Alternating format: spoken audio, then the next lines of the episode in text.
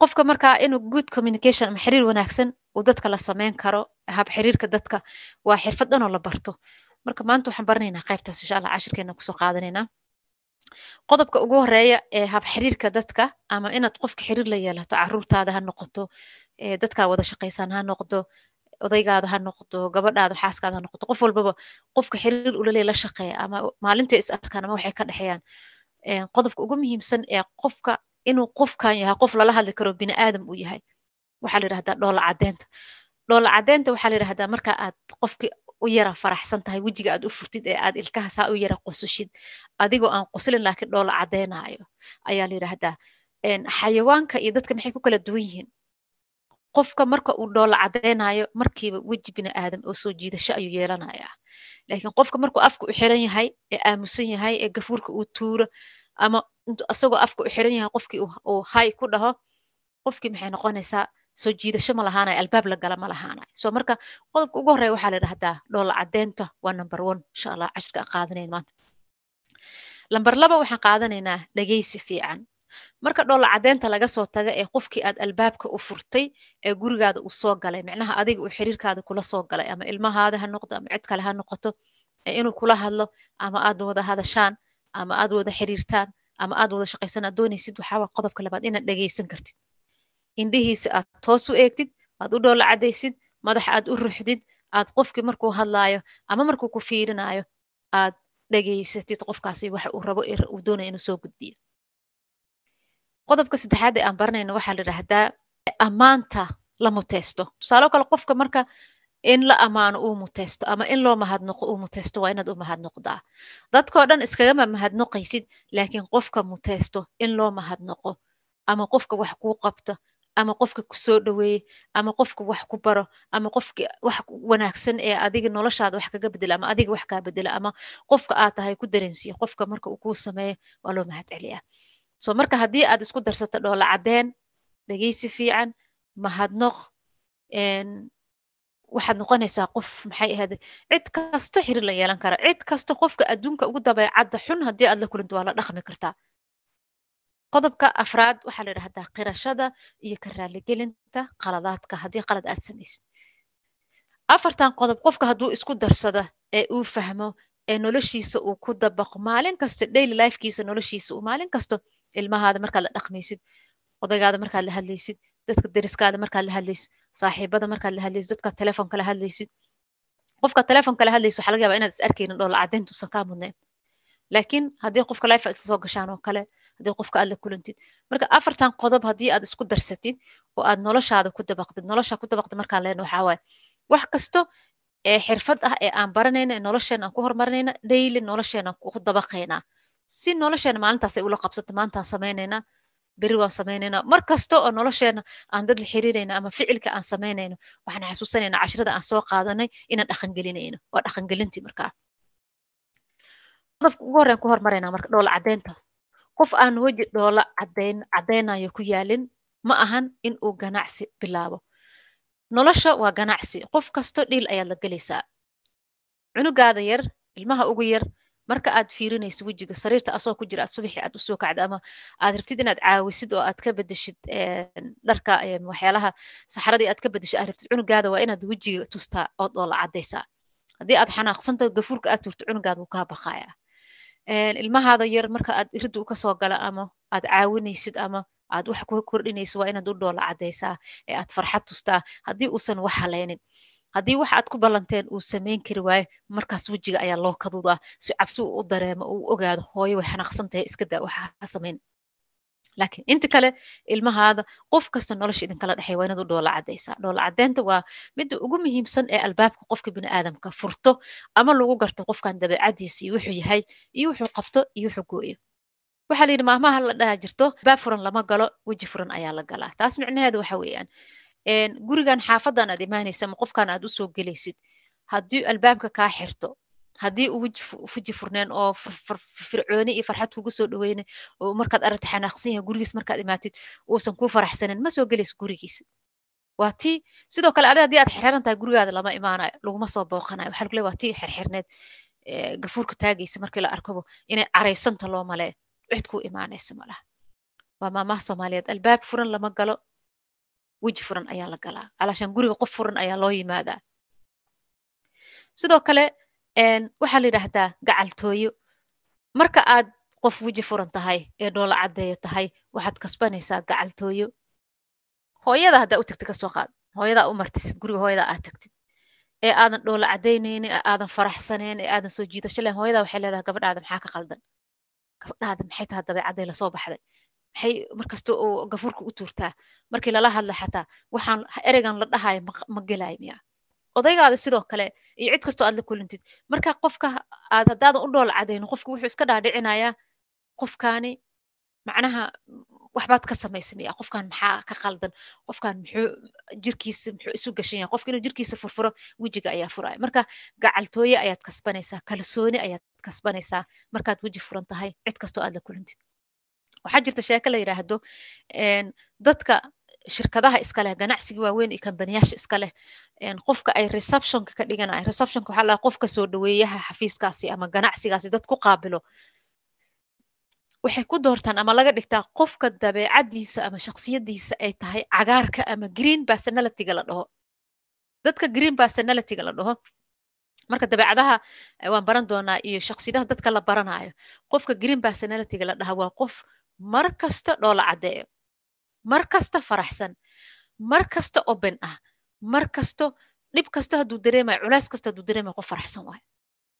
Naftiisu ku qanacsan yahay ku faraxsan yahay dadka kale ku faraxsan yahay. Waxaa la yidhahdaa marka shirkadaha waxay dalbadaan ama ay baaritaan ku sameeyaan. Qofkan dabeecadiisa marka interviewga ay qaadayaan dabeecadaha dadka ay baarayaan. Qofka interviewga shirkadda u qaaday waxaa loo tababaray uu soo bartay dabeecadaha dadka. Haddii aadan green personality ahayn shirkadda kuma qaadanayso. Maxaa yeele qofka xafiiska imaanayo macaamiisha halkaa imaanayso weji furan lama kulmaaya sidaa darteed gacaltooyada qofka waxa uu ku kasban karaa ama hadduu ganacsada yahay hadduu cid kasta la xiriir la yeelanayso number one ayay gacaltooyada aad kasbanaysaa sidoo kale waxaa la sheegaa qofka marka uu weji furan yahay ee uu faraxsan yahay kalsoonida gudihiisa ka timaadaa. Waxaan soo baranay qofka inuu naf ogaala yeeshto oo naftiisa ogaado oo waxa gudihiisa ka dhacay ogaado oo gudihiisa kontaroolo oo mushkuladda gurigiisa ka dhex gudihiisa ka dhex aloosan uu xalaysto tusaaloo kale maanta waad guuraysaa isbuucan geedi ayaad gelaysaa waxaad ka fikiraysa maanta dhan ilaa xalay gurigii maxaa xirxiraa alaabteen hormariyaa teen diraa maxaan waxyaalahaasoo dhana saa kugu soo qasmaya maskaxdaada marka way qasan tahay. Qofkii kaa hor imaado waxaa laga yaabaa inuu farxad hataa kaa dheehan waayo maxaa yeele waxbaad optaad ku tahay ama obsessive aad ku tahay. Marka hadduu qofka laakiin xaliyo mushkuladaha dhexdiisa ka aloosan waxa dhexdiisa ka guuxaayo uu xaliyo oo uu fariisto uu qoro mushkuladaasi magaca uu u bixiyo kadabna uu xaliyo qofka caafimad jirkiisa wuxuu soo deynayaa farxad ayuu soo deynaya unugyada soo deya farxadda waxay soo deynayaa qofki inuu dhoola caddeeyo faraxsanaado marka qofka inuu gudihiisa xaliyo waa caafimaad. Inuu qofka gudihiisa ka guuxo oo maanta dhan wareerana caafimaad darra wey maskaxdii ka xanuunsanaya qofkii wuu jiranaya qofkii asoo wuxuu ku daal aan ogeyn ayuu daalaya markaas muraayadda aad tagta hadaad isfiirisid wejigaada dhan wuu dilan yahay indhahaada god bay gelayaan maxaa yeele waxaasi sababta gudahaada ayay mushkulad ka dhex taagan tahay. So waxaan soo baran naf ogaal inaad yeelatid oo aad xalisid sidoo kale qofka markuu naf ogaal yeeshto banaanka gudihiisa waxay u soo saaraysaa wejigiisaan hore farxad ayuu soo saaraya. So marka qofka marka aad aragtid inuu faraxsan yahay ee farxad dadka ku soo dhaweeye waa qofka jirkiisa ka soo shaqeeyey ee caafimaadkiisa ka shaqeey waana muhiim qofka inuu caafimaadkiisa ka shaqeeyo si uu bulshada kale ee dhaqmaya ugu dhoola caddeeya. Odagaada markuu irinta ka soo gala hadduu shaqo ku maqnaayo oo adoo gafuurka taagaysa uu kugu imaado wuxuu is leeyahay maxaa ku dhacay?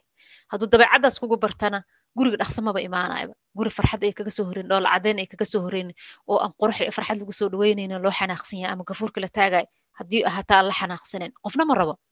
Adigaba ma rabtid inaad asagoo maanta dhan xanaaqsan la kulantid ama aad aragtid waa sidoo kale marka wejiga hor waa inaad furnaataa. Kalsooni iyo ammaan marka ay noqoto markaa dadka kale aad la shaqaynaysid dadka ay waxdan kala dhexeeyaan ilmahaado in ay kalsooni ku siiyaan oo ay kugu kalsoonaadaan oo markay kugu arkaan ay kugu soo odaan hooyo hab ay ku siiyaan haddaa rabtid. Sidoo kale weji furnaantay ka imaataa laakiin hooyo weji xiran ilmaheeda iidam heshiinayaan hooyo gudaha ka guuxayso oo gudaha ka buuxo ilmaheeda iidam heshiinayaan soo marka ilmahaada waa inaad u dhoola caddaysaa marka laga reebo marka aad doonaysid inaad u kuur gashaa oo aad canaanataa oo aad ka goysaa wax aadan rabin inay sameeyaan laakiin inta kale waa inaad dhoola cadayso waa inaad tirahdo hooye mahadsanid maanta maxaa tahay cunug yar hataa kan aad la hadli karno hadalka aqoonin wuu ku maqlaa hadalka ilmaha cashir waxaa jira ilmaha aan ka diyaariya ilmaha markuu dhasho ilaa sideed bilood sideed toban bilood uu ka gaaraya wuu ku maqlaa waxaa dhehayso dhan wuu ogyahay haddaad maanta ammaantid oo hees u qaado wuu ogyahay guduhu ka farxaya so ilmahaada ku dheh hooye macaan waa ku jeclahay waan ku faraxsanahay inaan anig ku dhalay dhoola cadeen qurux ammaan dhunkasho isugu dar weligiis kuma ilaaba ilmahaada wuxuu kuu noqonaya mama kugu qaylinayo bar ilmahaada inuu qaylada ay fiicneen. Waxaa ku dhahda hooye qaylada ma fiicno. Hooye oohinta ma fiicno. Hadduu hadli kara hooye ila hadal markaad wax u baahat ha ooyin. I weydii markaad wax u baahatid. Bar ilmahaada aadaabta wanaagsan. Daily xitaa hadduu garanayna inuu hadlo kula hadal adiga dhagaha u buuxi ilmahaada qof waxaad noqonaysaa hogaamiye ah ee aan laga diidin micnaheeda maxaa weeyaan dadka kale markaad la shaqaynaysid dadka aad dariska tihiin dadka asxaabta tihiin dadka aad telefoonada kala xiriiraysid markaad tahay qof dhagaysi leh qof dhoola cadeen leh cid wax kaa diidaysa ma laha sababto ixtiraana laguu haya hogaamiyaa tahay dadka waad kasbanaysaa dadka inaad kasbatidaa la rabaa haddii aad dhoola cadayso markasta qofka waxa aad ka weydiisanaysa ama waxa aad ka codsanaysa aad u dhoola cadayso aad marka uu ku qofki wixii aad oga baratay ama uu kuu qabto aad u dhoola cadayso beri qofkii wax kasta kuu qabanaya tusaaloo kale odaygaada maanta waad guuraysaa. Shaqooyinka guriga o dhan keliga kama bixi kartid. Inuu kula qabtaa doonaysa inuu ku caawiyaa doonaysaa. Haddii aad hadal fiican ku dhihiin oo aadan ammaanin oo wuxuu qabta aad oga mahad celinin oo aad u dhoola cadaynin shaqada kulama qabanaya wuxuu ku leeyahay shaqadaada qabso wuu kaa tegaya laakiin asaga si aad u kasbatid waa inaad la timaadid. Markaad la hadlaysid direct inaad indhihiisa u fiirisid ee aad u dhoola cadaysid aad oga mahad celisid wixii ugu dambeeyey uu kuu qabtay. Haddana inuu ku caawiyo aad ka rabtid wuu kuu godlanaa wax kastuu kuu sameynaa so weligaa xanaaq waxa ku raadini. Arrin kasta ee aad qof oga baahan tahay maslaxad iyo dhoola cadeen iyo mahad celin iyo ammaan ayaa looga raadsadaa qofka. Si xiriirkaada u wanaagsanaada carruurtaadana waa sidoo kale. Ilmahaada markuu wax yar kuu sameey u mahad celi. Markuu uu wax kuu sameey waxaa tirahda hadduu lacala ku diido waxaa tirahda hooyadaa baan ahay. Anigu waxaan ku farxayaa saas adigana farxad ayay ku tahay. Caafimaad iyo horumar ayay ku tahay ka tusi dhinaca kale ka tusi dhinaca xanaqa ka tusin ha ku qaylina ha canaanani. Laakiin farxadda iyo dhoola caddeynta u muuji adigoo ka rabtid waxa aad doonaysid. Hadduu qof gaala kaa hor imaada inaad u dhoola caddayso haaya aad dhahda qof muslim hadduu kaa hor imaada salaamu calaykum inaad dhahda u dhoola caddayso wejiga inaad furtid. Macnaha adaa aragteen waddamadan horumare dadka joogo xataa haddaysan ku garanaynin ama aysan ku rabin bushimaha ay saas afka saasay kugu dhoola caddeynaan saas macnaha waa wax lagu abaabiyo lagu tababaray inay dhoola caddeeyaan qofaa taqaani iskaba dhaaf. Marka inaad salaanta fidisid oo dadka aad u dhoola caddayso asalaamu calaykum aad tirahdid adoon wax badan oga baahna adi waqti haysaga luminin qofka. Qofkan hool idinka dhex shaqa idinka dhexaysa u dhoola cadday asalaamu calaykum dheh ka soco. Marna yaan lagaa dareemin. Dad waxaa jira isbuucna intay kula hadlaan. Isbuuca kale kaa aamuso. Maalmo intay kula hadlaan. Maalmaha kale aan kula hadlin. Waa dadka aanan lahayn dhaqamadan wanaagsan aan lahayn. Oo xiriirka dadka aanan aqoonin. Qofka haddii xitaa aad isdagaasheen oo aad col tihiin oo aad kala guurteen haddii uu kaa hor imaado asalaamu calaykum ku dheh waajibka adag ku saarnaa gudo isaga u taalla hadduu kaa qaadi waayo wax kalena ha ku sii dirsanin waayo salaanta idinka dhexay soo maha u dhoola cadday asalaamu calaykum dheh hadduu kaa qaadi waayo asaa dembiga iska leh iskaba dhaaf qof kale aad caadi tihiin oo aadan isdagaalin markaad aragto wanaaji salaan salaanta ballaari markastoo aad salaanta ballaarisid ama aad fidisid ama dadka aad weji fiican ku salaantid waxaa badanayo wanaagaada iyo ammaanta lagaa gudbinaya ama dadka waxay kaa aaminsan yihiin dhinaca wanaagsan ayaa ku badanaya qodobka labaad oo dhegaysiga markaa dhegaysi fiican maxaan dhahnay qofka waa inuu dhegaysto ahaada. Haddaad rabtid caqli badan aqoon badan xog badan inaad dadka xog ka heshid xaq dhowr badan in lagu xaq dhowro lagu ixtiraamo qadarin badan in lagu qadariyo oo qof lagaa dhigo qiimo leh saree iyo ammaan badan iyo in lagu ammaano waxaad noqotaa dhegayso wanaagsan.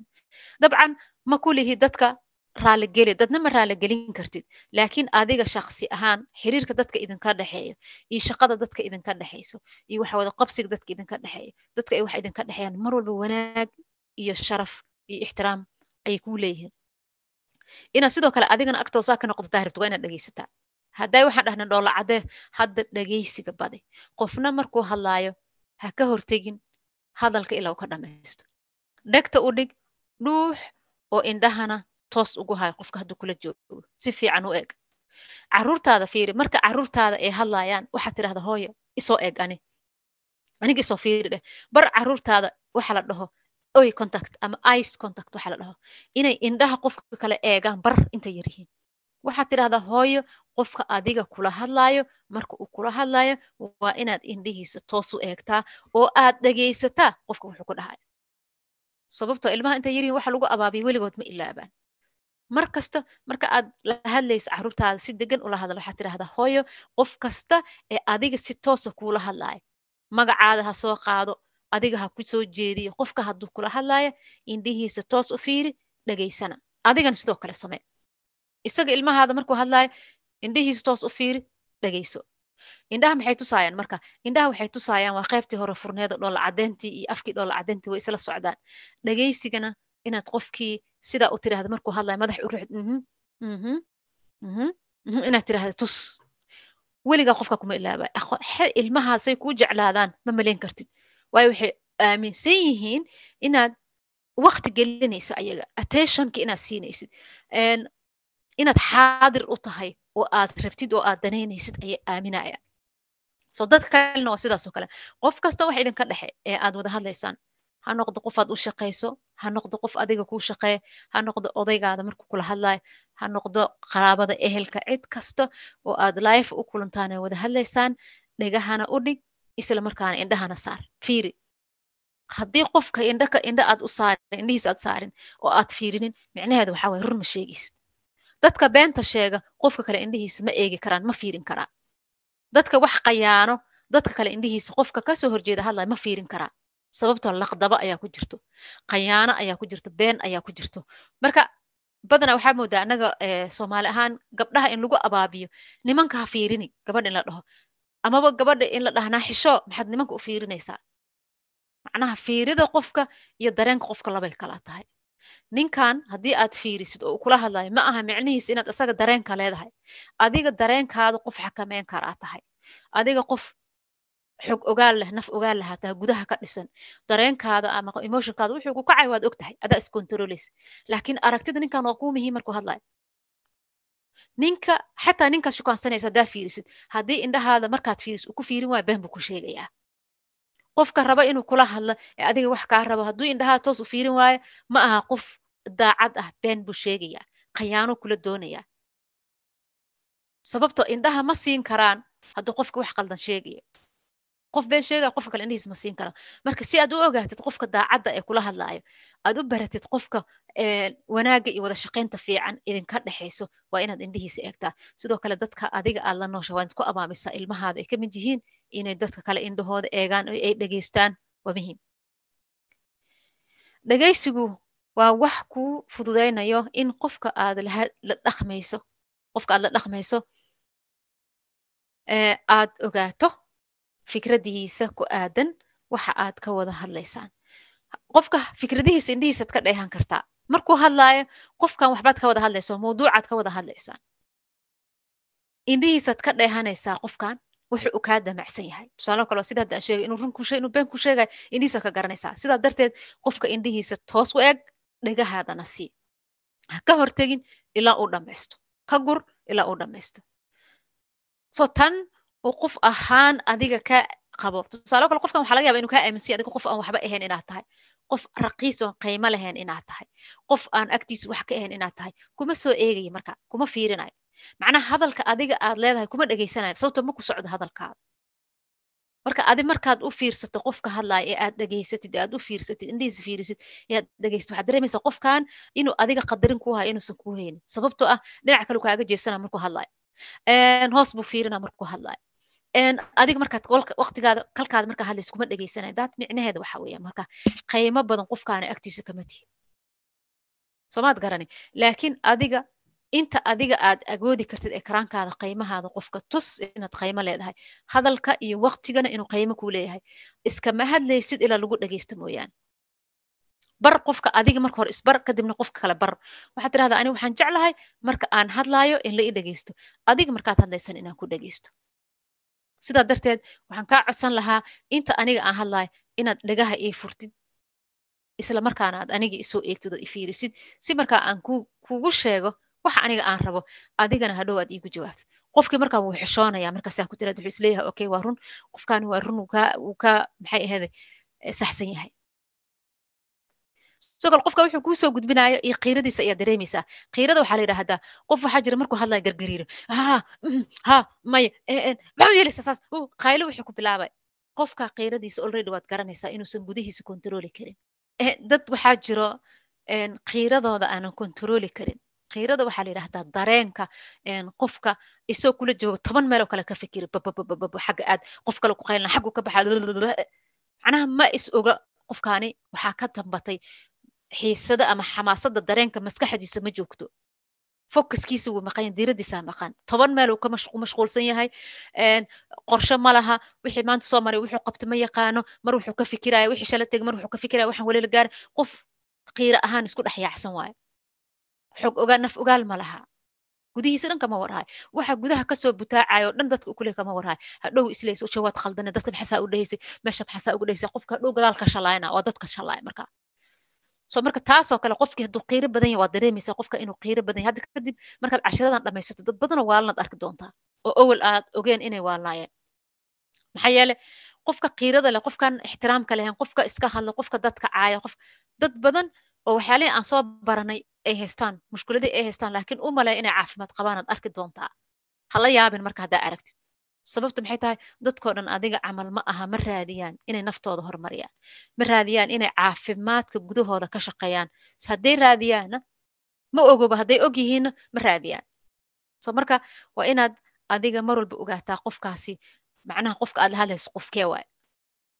Qofka aad la hadlayso ma qof miir qabaa oo xog ogaal ahaa oo naftiisa ogbaa mise qofaa naftiisa ogeen. Waxaad ku ogaan kartaa inaad dhegaysi fiican qofka u yeelatid oo dadkaas aad u dhabagashid markay hadlayaan qofkaas markaa haddii aad u dhabagashid ee aad dhegaysatid ee aad ku qanci weysoba inuu yahay qof aan caafimaad qabin ballan maba la gelaysid oo isaga tegaysa haddii qofka aad rabtid ballan inaad la gasho ama inaad la shaqaysato haddaa rabtid ama inaad business la samaysato ama inaad nolol idinka dhexayso nin shukaansato uu yahay waad ka tegaysaa sababtoo waad ogtahay qofka inuusan faa'iide ka soo soconin waxaan kula talinayaa gabdhaha intay guursanin inay bartaan psychologiga sababtoo ah ninkaad guursan laheeda sii baranaysaa adigoo dhegaysanaya wuxuu sheegay habeenka u horey wuxuu kuula imaado. Ayaad ogaanaysaa inaad qof aad wada hadli kartaan ama aad wada dhaqmi kartaan inuu yahay iyo inuusan ahayn. Dadka aad la dhaqmaysid fursad u sii in ay gacal kuu noqdaan. Macnaha inay gacal kuu noqdaan oo iyaga aad kasbatid naftooda waqti u sii. Kuna jeclaadaan taas maxay noqonaya markaad dhegaysatid? Dhegaysiga baystid hadda maamadaas xalay hadlayso sheegayo kale maamada haddaad dhegaysatid oo dhegaysatid oo dhegaysatid waqtiga kaa dhuminay. Laakiin hadhow dambe way ku jeclaanay sababtoo ah dadka kale ma dhegaystaan.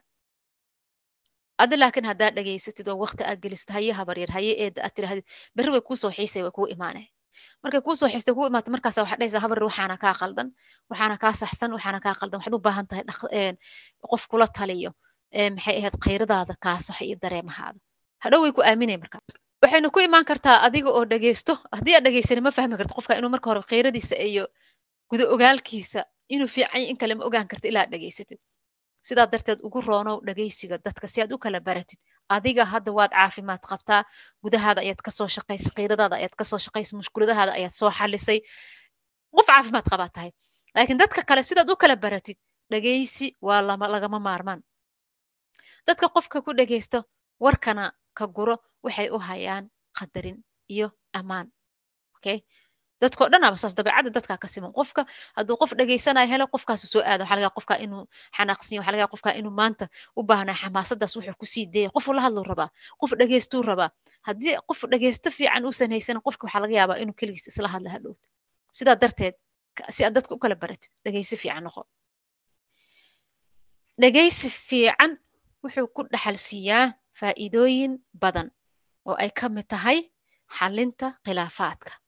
Ogow markaad wax badan dhegaysatid waxaad xallin kartaa khilaafaadyo badan dhexdaada adiga iyo dadka kale ka aloosan laakiin marka aad wax dhegaysanin waxaad noqon kartaa qof dhibaatada abuuro oo isaga oon wax hubsanin wax kasta dalaq dhaha ayaad noqonaysaa. Sidaa darteed khilaafka inaad xallisid laba qofoo khilaaf wax isku haysto ama adiga iyo qof kale wax idin dhexmaray dhegaysiga badi u dhabagal ee dhuux waxa socdo si aad qayb uga noqotid xalinta khilaafaadka agagaarkaada iyo adiga naftigaada ku qusee.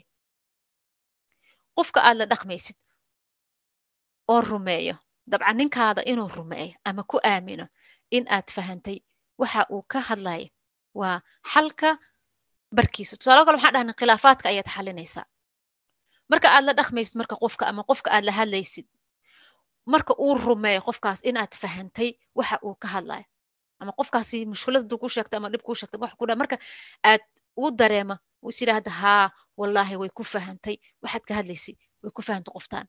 Xalkii wuu fudnaanaya marka xal baa imaanaya. Khilaafaadkii wuu dhammaanayaa inaad fahantay qofkan ayuu ku ogaanaya. Laakiin qofkan inaad fahantay waxaad ka wada hadlaysaan sidee ku ogaan karaa dhagaysigaada? Inaad ka gurtid u dhoolla caddaysid. Okay haye haye inaad dhahdid ayuu qofkaani fahmaya ama rumaynayaa inaad adiga fahamtay waxa uu qofka ku leeyahay. So marka qofkii wuxuu dareemayaa inuu sii deeyo cuqdaduu haaya inuu sii deeyo hadalka gudihiisa ku jira inuu sii deeyo wixii karinaya ilaan qofka marka uu hadlo waxa gudihiisa ku jira way soo baxaya. Cabsidii wuu sii daynaya wax kasta way ka tegaysaa qofkii. So waa muhiim inaad markaa noqoto dhegeysta wanaagsan haddii waxaa tahay qof psychologigii bartay waxaad baratay habdhaqanka waxaad baratay mushkuladaha sida loo xaliyo waxaad baratay sida kurbada iyo waxyaalaha welwelka kugu kalifaya aad ula tacaamusho ayaad baratay. Sidaa darteed dadkana kala baro ee dhegeysiga ku dadaal. Qodobka saddexaad waxaa la yidhaahdaa mahadnoq iyo aqoonsi la mutaysto mahadnoqa ama qofka inaad waad mahadsan tahay tidhaahdo waa qayb weyn oo ka mid a xiriirka ama kasbashada dadka kale. Qofka aan dadka oga mahad celinin wanaagga ay u sameeyaan. Alle uma mahad celiyo. Nimcooyinka uu siiyey.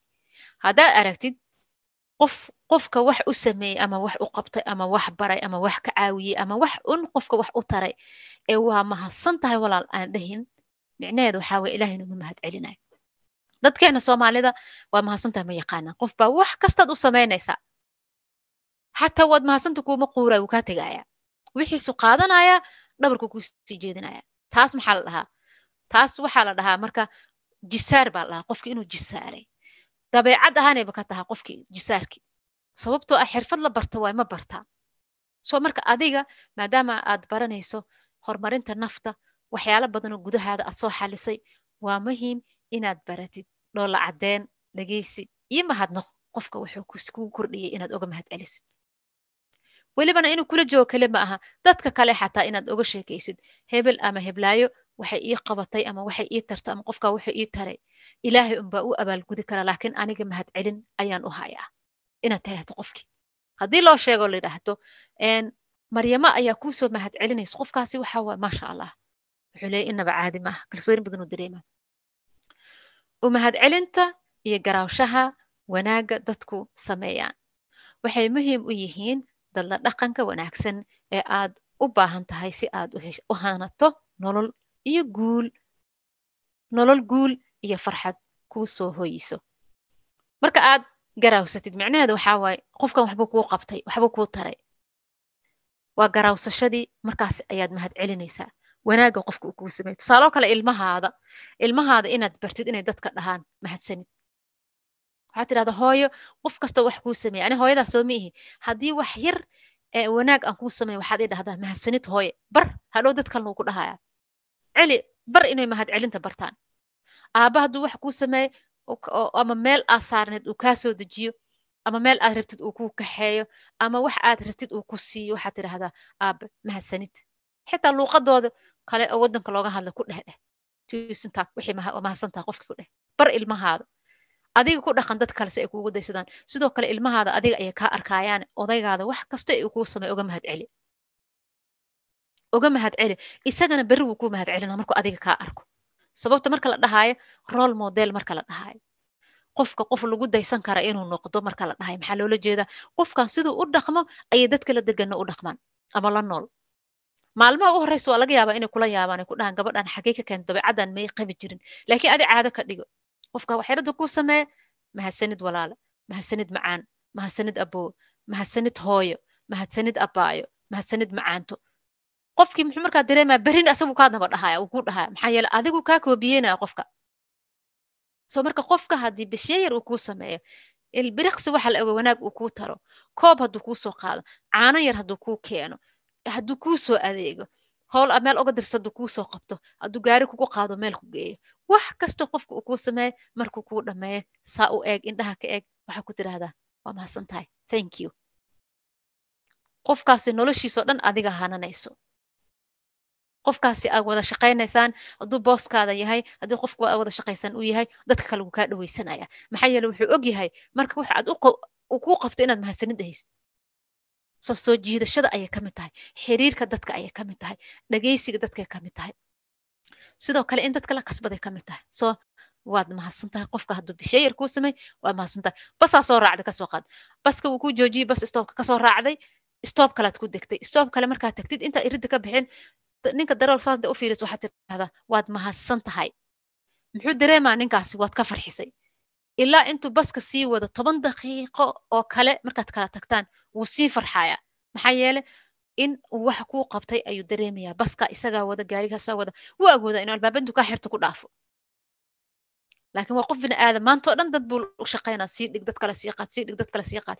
Ka waran hadduu waayo qof waad mahadsan tahay dhaha. Qofka maxaa imaanaya waxaa laga yaabaa inuu niyad jabsan yahay oo firfircooni dareemi waayo. Laakiin haddii la dhaho qof kastoo ka degaayo waa mahadsan tahay? Aada mahadsan tahay?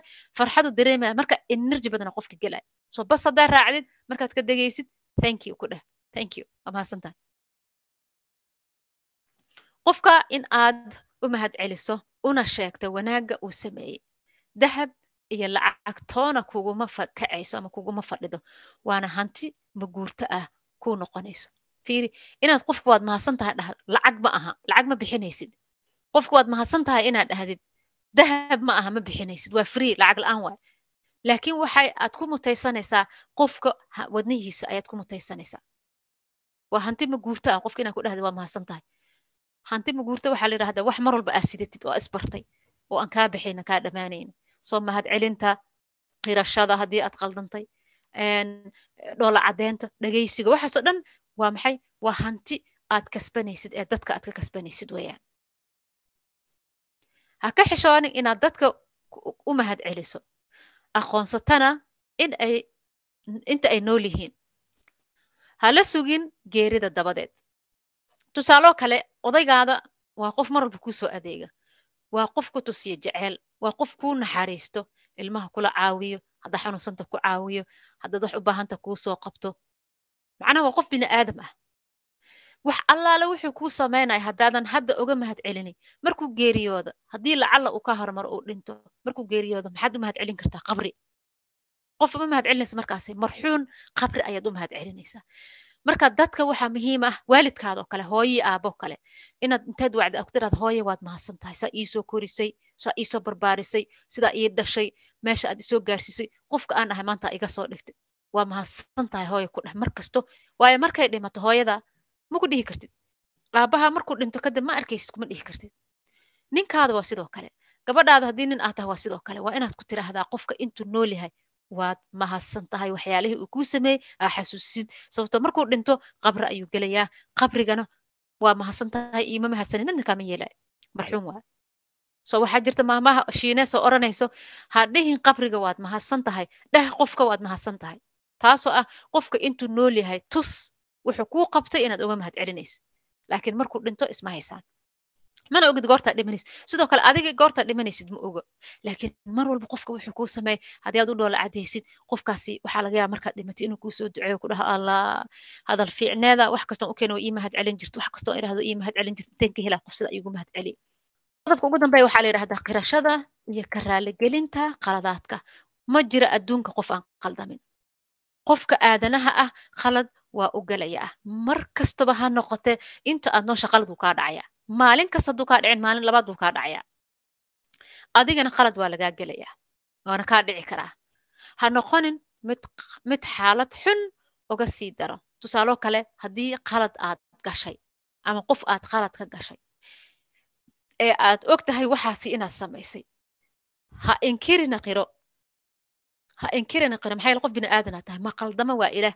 Ilaah subxaana watacaala wuxuu yidhi qof kasta ee bini aadam wuu qaldami karaa marka laga taga aniga ayuu ilaah yidhi. Sidaa darteed ogow ha isdhihin waa ceeb. Qaladka ceeb ma aha. Aqoon darrada ceeb ma aha. Waxaan makasaay ma aqaani ceeb ma aha. Waa inaad tidhaahdaa waxaad aqaanin ma aqaani waa inaad tidhahdaa haddaad qalad gasho qaladaan galay raalli ahaada raaligelin waa inaad bixisaa haddii qaladka ama gefka kaa dhacay sida ugu dhaqsiyaha badan u qiran raaligelinna aad ka bixin. Saxinna ama aad saxin haddii loo baahdo. Tusaalo kale haddii qalad kaa dhaco markiiba haddii aad xanaaqsan tahay qofka aad wax ku samayso dib isugu noqo warqadii bugi qalin qaado qor maxaad samaysay maxaa kaa dhacay? Hubi marka inuu qalad ahaa. Qofkii inuu qalad ahay seed ku ogaan kartaa isaga la hadal qofkii. Waxaad tidhaahdaa maxaa dhacay? Aniga saasan ku dhaha adi maxaa samaysay labadiina qofka qalad kale wuu soo baxaya ha isqabsanina. Haddii aad aragto adiga inaad qaladka meel yar ku leedahay qaladka adaa iskala qaado. Kadibna dhaqso raaligelin u bixi. Qofka waxaa ku tirahdaa walaal aniga waan qaldamay qof binu aadana ahay qaladaa iga dhacay raalli ahow. Maxaa yeelay markaad qiratid qofkii wuu isgaranaya wuxuu leeyahy waa run qofkan wixiis wuu qirtay.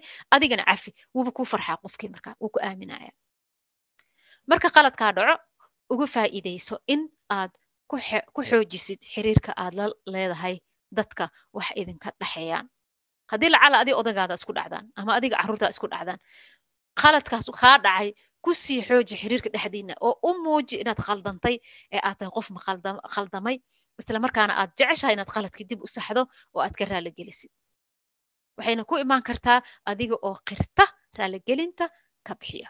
Mar kasto qiro wixii aad gelisay haddii qaladka is leedahay qofkan kalena wuu leeyahay adigana lug baad ku leedahay. Marba haddii haba yaraatee qaado wax ka yar qaladka aad ku leedahay qiro. Asagana qofka qiradkiisa ku qiranaya kadib marka adiga qirata raaligelin bixid. Inaad raalli aho qof dhahda ceeb ma aha. Inaad qalad gashid ceeb ma aha. Inaad sixi weysa ayaa ceeb ah. Soo mar kasta isku day raaligelin qalad kastoo aad gashid. Xataa carruurta haddaa qalad ka waxaad tirahda hooy raalli aho mar dambe kuguma samaynayo waa qaldamay. Adigana iska kay cafi adigana iska ilaalo waxaan kugu qaldamaya oo aan kugu xanaaqay. Qaladkaaga la tacaal inaad qaladkaada saxdo la tacaal baro. Sida aan hadda ula qabsanayna noloshaan inaan nafteena horumarino caadooyinka aan bedelno u bedel sidoo kale ula qabsa inaad qaladaadkaada raaligelin ka bixisid ee aad la tacaashid ee aad ogaatid marka aad qof ku qaldantid bini aadanaad tahay inaad markiiba raaligelin bixisid ku talagal. La tacaal inta qofka inta qof kale farta aad ku fiiqaneed. Tusaalo kale weliga hadduu qof qaldan yahay hadhii wuu qaldan yahay maxaa yeele adiga naftirkaada waad qaldan tahay inuu hebel qaldan yahay inaad qirto ma aha. Isaga isaga waa inuu qirto adigana waa inaad adiga qiratid oo aad qofka kale qaladaadkiisa ku muuqdo. Markastoo dadka waxa u muuqdo qofka kale qaladaad qaladaadkiisa iyaga qaladaadkood uma muuqdo. Soo marka ha noqonin qofka qaladaadka dadka kale ay u muuqdaan isbar oo la tacaal aragtida ah dadka kale qaladaadkooda inaad aragtid. Sababta waxaan soo baranay wax kasta inaad dhinaca wanaagsan ka eegto oo positive ah. Sidaa darteed haddii dhinaca wanaagsan aad ka eegto qaladaad kuuma soo baxaay positive kuu soo baxaay qofkan maxaa ka dambeeya ma ogid wax ku dhacay sababta u sameeye ma ogid. Dhib maa ku soo dhacay ma ogid. U cudurdaar